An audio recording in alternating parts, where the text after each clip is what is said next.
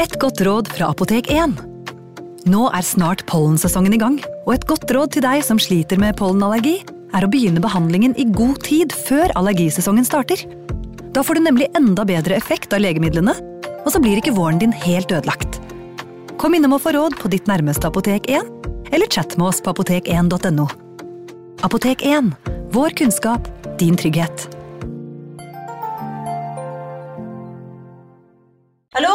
Jeg kommer fra Oslo politikammer.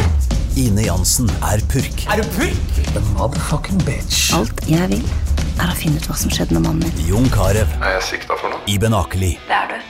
Ole So, Lars Berrum og Big Daddy Karsten. Hvem sin side er du på, egentlig? Anette Hoff, Tone Danielsen, Kommer du fra Afrika? Jørnis Josef, Nesten. Kløfta. Trond Espen Seim, Det er synd å si det, men det var feil mann som døde. Purk. Premiere tirsdag på TV2 Play. Ungsamtalen fra DNB er økonomisk veiledning tilpasset deg som er ung. Bokk en ungsamtale på dnb.no. slash ung. Det er kjempebra hvis du skal inn på boligmarkedet, hvis det er drømmen din, liksom. Det er det du skulle sagt. Og så kunne du ropt litt mer, da, sånn som jeg gjorde. Bam! Advarsel. Historiene vi forteller i denne podkasten kan være fiktive og avvike fra den opprinnelige historien av dramaturgiske årsaker. Meninger og påstander i historiene reflekterer nødvendigvis ikke programledernes meninger eller virkeligheten.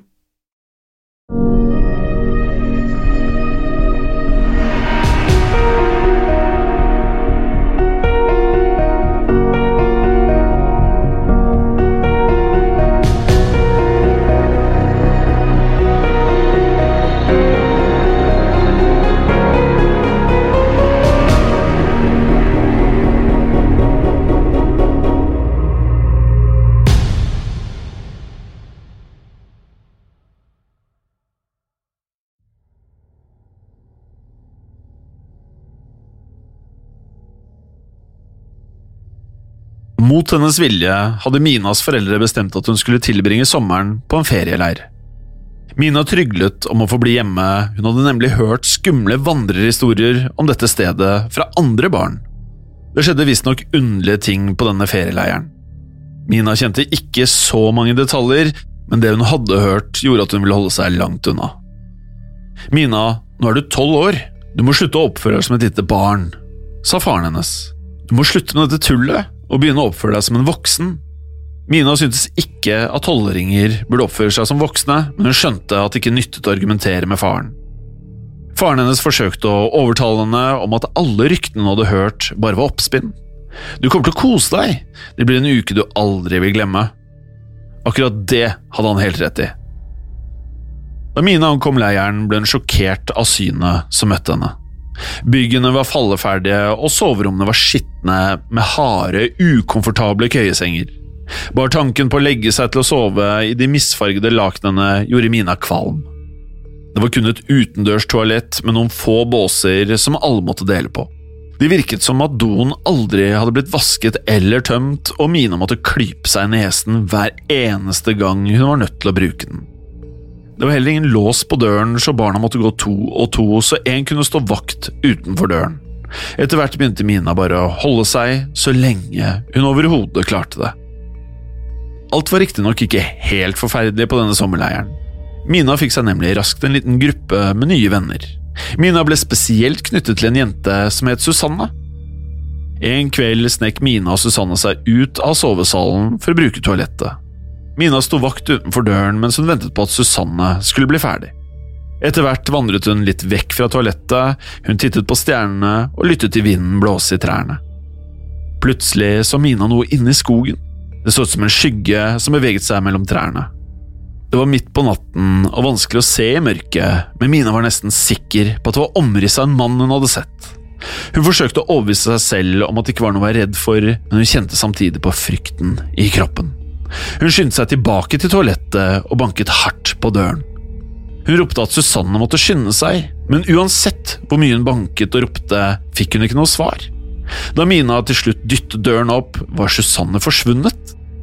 Mina ble først ganske irritert, hun syntes det var dårlig gjort av Susanne å gå tilbake til sovesalen uten henne. Mina planla å kjefte på Susanne, men hun var heller ikke å finne i sovesalen. Heller ingen av de andre jentene hadde sett hvor det hadde blitt av Susanne. Mina lå våken og stirret på den tomme sengen til Susanne. Timene gikk, men det var fremdeles ingen livstegn etter Susanne. Til slutt gikk Mina til en av de voksne og fortalte at Susanne hadde forsvunnet. Alle leirdeltakerne ble vekket, og det ble snart satt i gang en stor leteaksjon. De søkte i og rundt utedoen, men det var ingen fysiske spor etter Susanne. Det eneste de fant, var et enkelt spillkort, en hjerterknekt. Gjennom hele natten lette de etter Susanne, men da det ble morgen, var hun fremdeles forsvunnet. De begynte å spekulere i om Susanne kunne ha stukket av fra leiren. Kanskje hun bare hadde møtt en gutt eller drukket seg full med andre ungdommer. En av leilederne kontaktet etter hvert foreldrene til Susanne. De hadde heller ikke hørt noe fra datteren, og ble umiddelbart veldig bekymret da de hørte at hun ikke var å finne. Til slutt bestemte leirlederen seg for å ringe politiet. Hun hadde ikke ønsket å skape så mye oppstyr, men innså til slutt at hun ikke hadde noe annet valg. Flere av barna var nå livredde og fryktet at Susanne hadde blitt kidnappet. Mange ringte foreldrene sine og tryglet om at de skulle komme og hente dem. De voksne på leiren forsøkte å berolige barna, men det var åpenbart at noe var galt. Barna måtte holde seg på sovesalen om kveldene og fikk ikke lenger lov til å gå på toalettet uten at en voksen gikk sammen med dem. Det ble kveld, og en av barna, Anette, kjente at hun måtte på do. Alle de voksne var ikke like begeistret for denne nye ordningen, men Anette klarte til slutt å overtale en av lederne om å bli med henne ut. Anette gikk inn på toalettet mens leilederen ventet utenfor. Det gikk uvanlig lang tid, og leilederen bestemte seg til slutt for å banke på døren. Da hun ikke fikk svar, fryktet hun umiddelbart at noe forferdelig hadde skjedd. Hun åpnet døren og tittet inn. Anette var forsvunnet, og toalettet var helt tomt. På gulvet lå det nok en gang et spillkort, også denne gangen var det en hjerterknekt. Nok en gang ble politiet kontaktet, og denne gangen hadde de med seg en hund, for å søke etter de forsvunne jentene. Hundene plukket opp lukten av Anette og fant raskt veien til toalettene. Her stoppet de opp og nektet å gå videre. Det var som om hundene var redde for å fortsette innover i skogen. Nå ble nesten alle barna hentet av foreldrene. De var livredde og nektet å tilbringe flere netter på sommerleiren. Mina forsøkte også å ringe foreldrene sine, men faren hennes sa at de ikke kunne komme og hente henne. Mina forsøkte desperat å forklare hva som hadde hendt, men faren hennes nektet uansett å komme. Hun ble derfor nødt til å bli værende i ferieleiren hele uka. Den kvelden var det bare syv barn igjen i hele leiren. I tillegg til Mina var det tre andre gutter og jenter. De samlet seg i en av hyttene for å tilbringe natten i samme rom. For ikke ta noen sjanser ville også en av leilederne sove i rommet sammen med dem.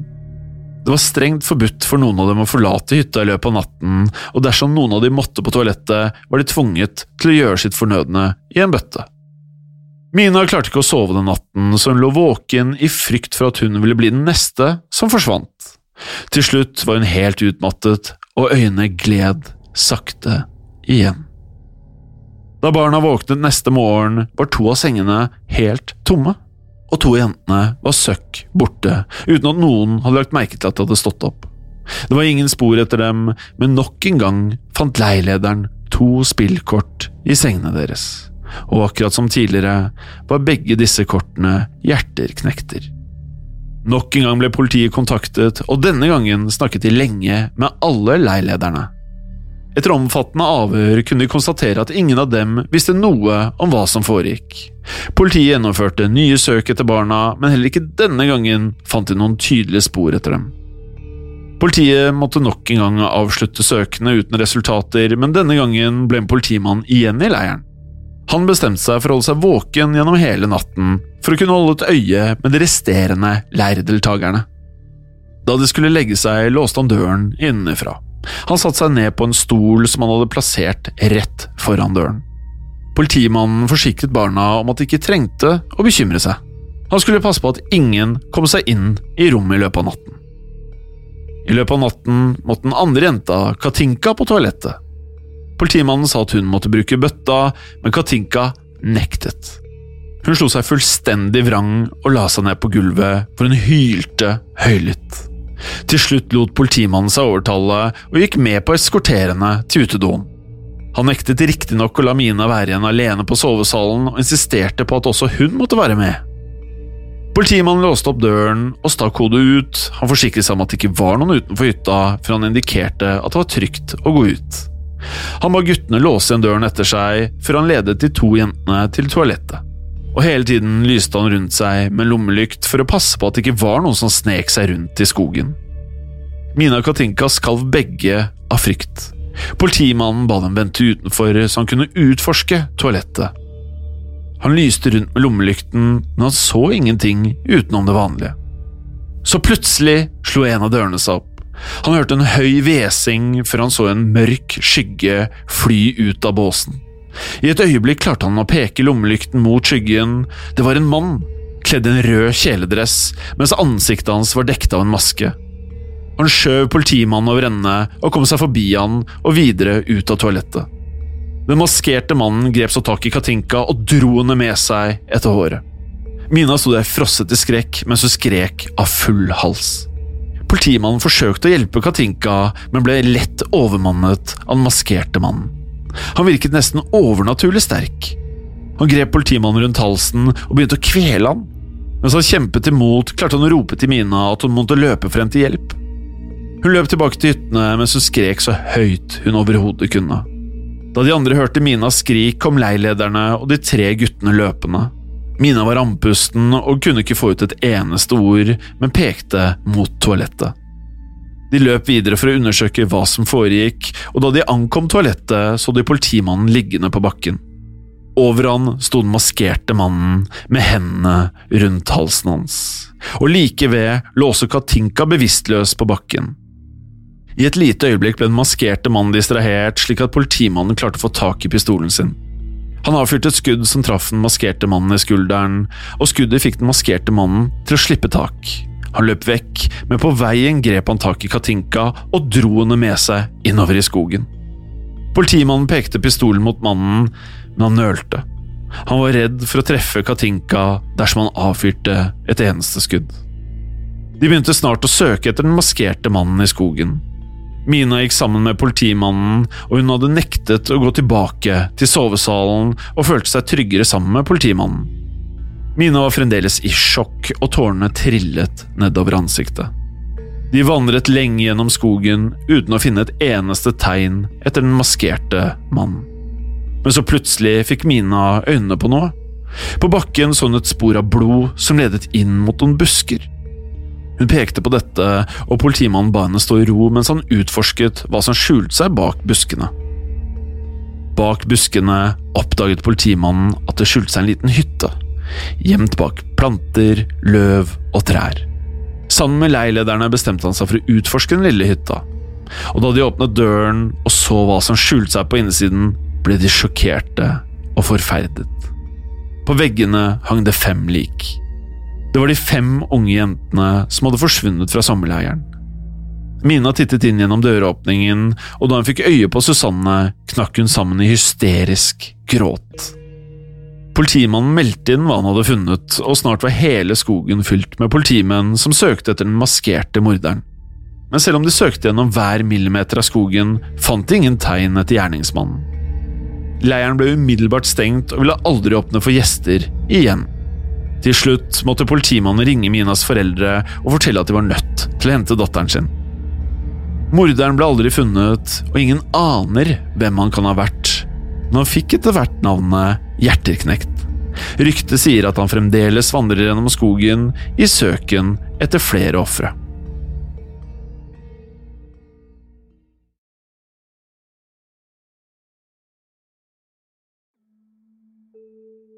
Alle skolebarn i Brasil kjenner historien om blondinen på badet. Blondinen er et hjemferd som flere ganger har blitt observert på ulike skoletoaletter. Hun blir ofte beskrevet som en brasiliansk versjon av Bloody Mary eller japanske Hanako-san. Blondinen er et skrekkelig syn. Hun har langt, blondt hår, men munnen og nesen hennes er full av blodig bomull. Fra øynene hennes renner det også blod, og hele kroppen hennes er dekket av dype, dype kutt. Og når hun viser seg, vil hun ofte be deg om å ta bomullen fra munnen hennes, andre ganger vil hun bare stirre på deg. For å få blondinen til å vise seg, må du gjøre følgende. Gå til en ledig bås på toalettet og sparke i døren tre ganger. Deretter må du skylle ned toalettet, skru vasken av og på, og til slutt rope et banneord. Alle disse stegene må gjentas tre ganger. En gang skal blondinen ha vært en vakker, men trøblete jente. Hun skulket ofte fra undervisningen for å gjemme seg på toalettet. Her kunne hun røyke sigaretter, drikke alkohol eller bare treffe vennene sine. Hun skulle ha vært en rampete jente som stadig fant på nye ugjerninger. Hun kunne blant annet klatre på toalettbåsene. Og en dag skal hun ha falt og slått hodet mot et toalett og blødd i hjel. Etter dette har hennes gjenferd blitt observert på skoletoalett over hele Brasil. Andre mener at jenta het Maria Augusta, og at hun var datter av en velstående adelsmann. Da hun var 14, skal foreldrene hennes ha tvunget henne til å gifte seg med en mye eldre mann. Maria var naturligvis altfor ung og hadde heller ingen følelser for denne mannen. Det var et ulykkelig ekteskap, og Maria forelsket seg en annen mann. De planla å rømme sammen til Europa, men på veien fikk hun lungebetennelse, og legenden sier at et speil i foreldrenes hjem knuste i samme øyeblikk som Maria døde. Foreldrene nektet å begrave datteren, og valgte heller å stille henne ut i en glasskiste. Noen mener at dette er grunnen til at hun viser seg i speil. En annen historie forteller at blondinen var en lærerinne som forelsket seg i en elev. Da hennes ektemann fant ut av dette, ble han rasende. Han oppsøkte henne på skolen og knivstakk henne før han kuttet opp ansiktet hennes. Deretter skjøv han hodet hennes ned i et toalett og holdt henne nede til hun druknet. Uansett hvem blondinen var, er det stadig barn og ungdom som hevder å ha sett henne. Aisha ble født i en liten landsby i Malaysia, men flyttet i 1984 til Kuala Lumpur. Aisha var i utgangspunktet en helt normal jente, men led av en ekstrem lysømfintlighet. Særlig øynene hennes var utsatte, og hun måtte ha på seg solbriller hver gang hun gikk utendørs. Hvis hun ble utsatt for lys, fikk hun kraftig hodepine. Enda verre var det hvis noen forsøkte å ta bilde av henne. Blitsen fra kameraet var så sterkt at hun kunne bli helt paralysert av smerte. En kveld var Aisha på jobbfest. Lys inne i lokalet var ikke altfor sterkt, og Aisha bestemte seg for å ta av seg solbrillene sine. Alle kjente riktignok ikke til Aishas tilstand, og på et tidspunkt var det noen som bestemte seg for å finne frem et kamera. Da blitsen gikk av, kollapset Aisha i smerter. Hun vred seg på gulvet mens det begynte å fråde fra munnen hennes. De andre gjestene forsøkte å hjelpe henne, men ingenting de gjorde, så ut til å hjelpe. Aisha lå tre dager på et mørkt sykeværelse. Mannen som hadde tatt bildet, besøkte henne og ba innstendig om unnskyldning. Etter denne episoden kunne ikke Aisha jobbe lenger. Legene ga henne medisiner og fortalte henne at hun måtte holde seg i ro i lang tid. Hun kunne ikke forlate hjemmet sitt på dagtid og tok bare korte turer ut om nettene. Ettersom hun ikke kunne jobbe, tjente hun heller ingen penger. Planen hennes var å flytte hjem til foreldrene sine, og inntil hun hadde nok krefter til å gjøre dette, fikk hun lov til å bli boende i leiligheten sin uten å betale leie. En måned senere gjør Aisha seg klar til å flytte tilbake til landsbyen der foreldrene hennes bodde. Hun føler seg nå sterk nok til å gjennomføre den lange reisen. Hun ventet med å forlate leiligheten til solen gikk ned og begynte å gå mot busstasjonen. På veien stanset plutselig en bil rett foran henne, og ut av denne bilen steg fire menn ut. Aisha fikk med det samme en dårlig følelse, men forsøkte å holde seg rolig. Hun prøvde å gå forbi mennene, men de blokkerte veien hennes. De sirklet nå rundt henne, så Aisha heller ikke hadde noen annen vei å gå. Aisha innså hva som var i ferd med å skje. Mennene grep tak i henne og førte henne inn i bilen. Hun forsøkte å skrike så høyt hun bare klarte, men gatene var helt tomme. Og ingen hørte hennes rop om hjelp. Mennene tok Maisha til et forlatt hus i utkanten av byen. De bandt hendene og føttene hennes, deretter kuttet de av klærne hennes med en kniv. Aisha tryglet om at det skulle stoppe, men mennene bare lo av henne. De viste ingen nåde og begynte å slå og mishandle henne. Da en av mennene fant frem et kamera, skrek Aisha enda høyere. Hun forsøkte å forklare tilstanden sin, men ingen var interessert i å lytte til henne. Mannen rettet kamera mot Aisha og begynte å ta bilder av henne. Bilde etter bilde utløste et blitsregn mot Aisha. og Aisha vred seg i smerte, men mennene, de ga seg ikke. De fortsatte mishandlingen mens blitsene gikk av. Det var som om skriken hennes bare oppmuntret dem. Smerten ble mer og mer intens, og snart begynte blodet å renne fra nesen, ørene og øynene hennes. Dette fortsatte i over fire timer. Da mennene til slutt forlot rommet, var Isha paralysert av smerte. Hun kunne ikke skrike lenger, hun bare lå der, ute av stand til å bevege seg eller å snakke. Hendene og føttene hennes var fremdeles bundet. Selv om hun hadde klart å samle krefter til å reise seg, ville hun uansett ikke komme noen vei. Etter å ha ligget der i flere timer kom mennene tilbake.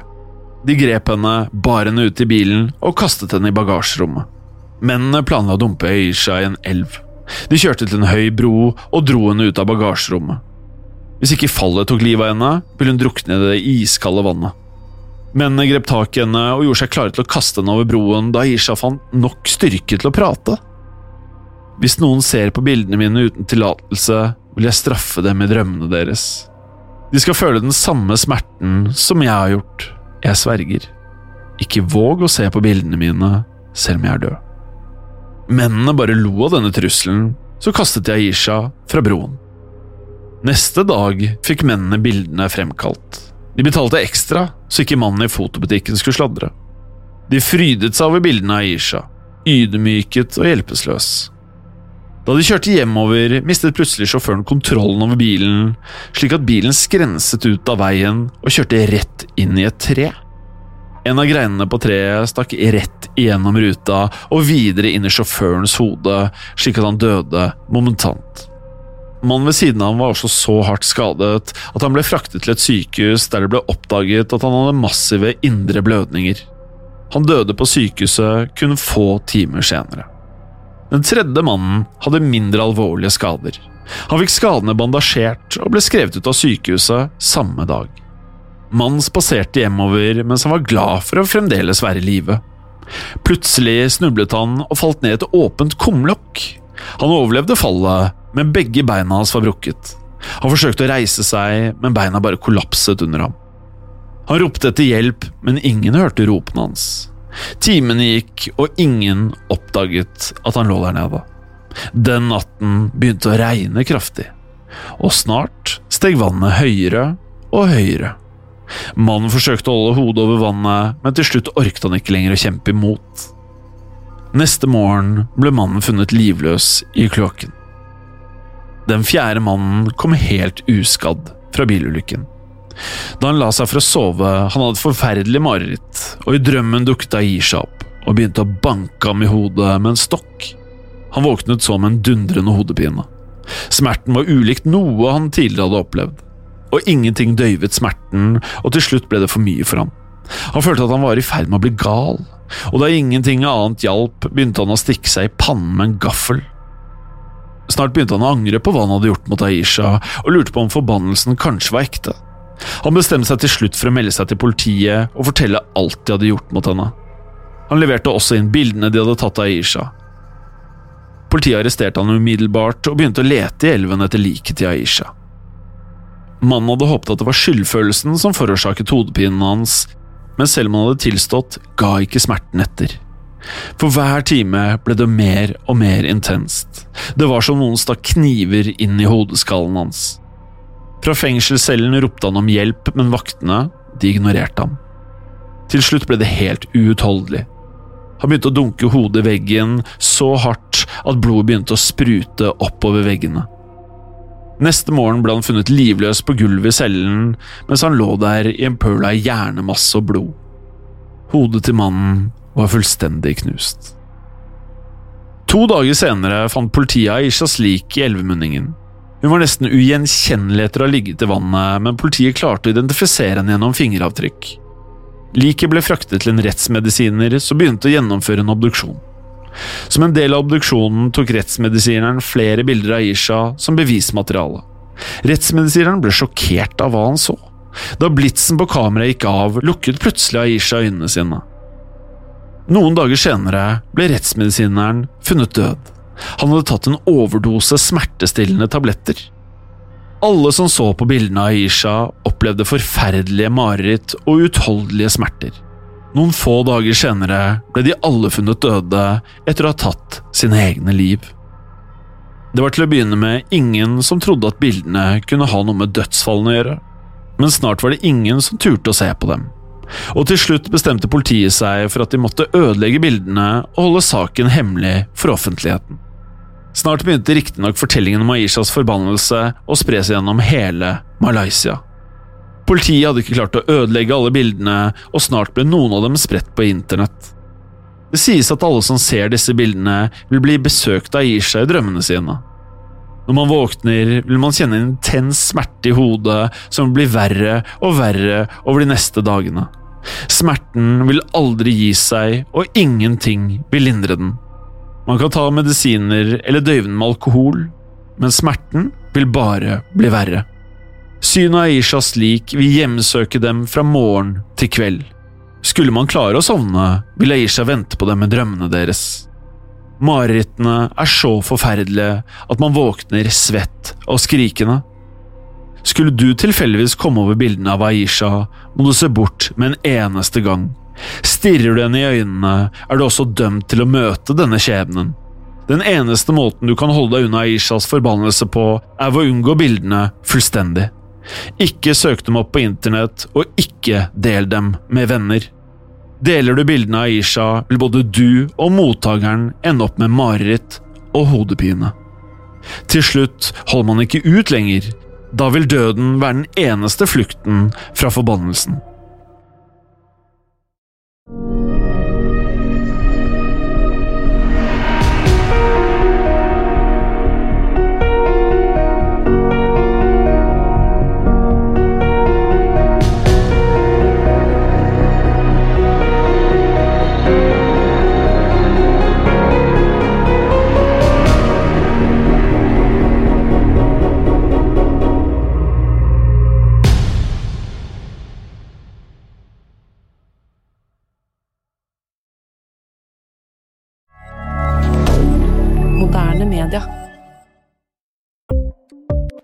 Ukens annonsør er Folio, en smartere banktjeneste for deg som har en egen bedrift eller ønsker å starte for deg selv. Folio er en superenkel nettbank for bedrifter. Som kunde i Folio får du en bedriftskonto med et bedriftskort og app. I denne appen er det smarte løsninger som forenkler regnskapet ditt, uansett om du har en liten bedrift eller et enkeltpersonsforetak. Folio er både intuitivt og brukervennlig, og er laget med et enkelt språk. I tillegg tilbyr de forutsigbare priser og ingen skjulte gebyrer. Skulle du likevel trenge det, så kan du snakke med deres raske og hyggelige kundeservice, og der får du prate med en faktisk person og ikke en chatbot. Folio er med andre ord både enklere og koseligere enn banken. Over 10 000 bedrifter har allerede valgt Folio som sin banktjeneste, så besøk folio.no og se hvordan Folio kan forenkle din hverdag også. Har du et enkeltpersonforetak eller en liten bedrift? Da er du sikkert lei av å høre meg snakke om hvor enkelt det er med kvitteringer og bilag i fiken, så vi eh, gir oss her, vi. Fordi vi liker enkelt. Fiken superenkelt regnskap. Kiwi er billigst i VGs matbørs og har vært billigst i fire av de fem siste VGs matbørser. Og nå presser vi prisene på frukt og grønnsaker. På 200 gram broccolini setter vi prisen til 24,90. På 400 gram Cevita blåbær setter vi prisen til 49,90. Og husk, alle Kiwi Pluss-kunder får i tillegg 15% trumfbonus på all fersk frukt og grønt. For det er vi som er prispresserne. Og vi i Kiwi gir oss aldri på pris.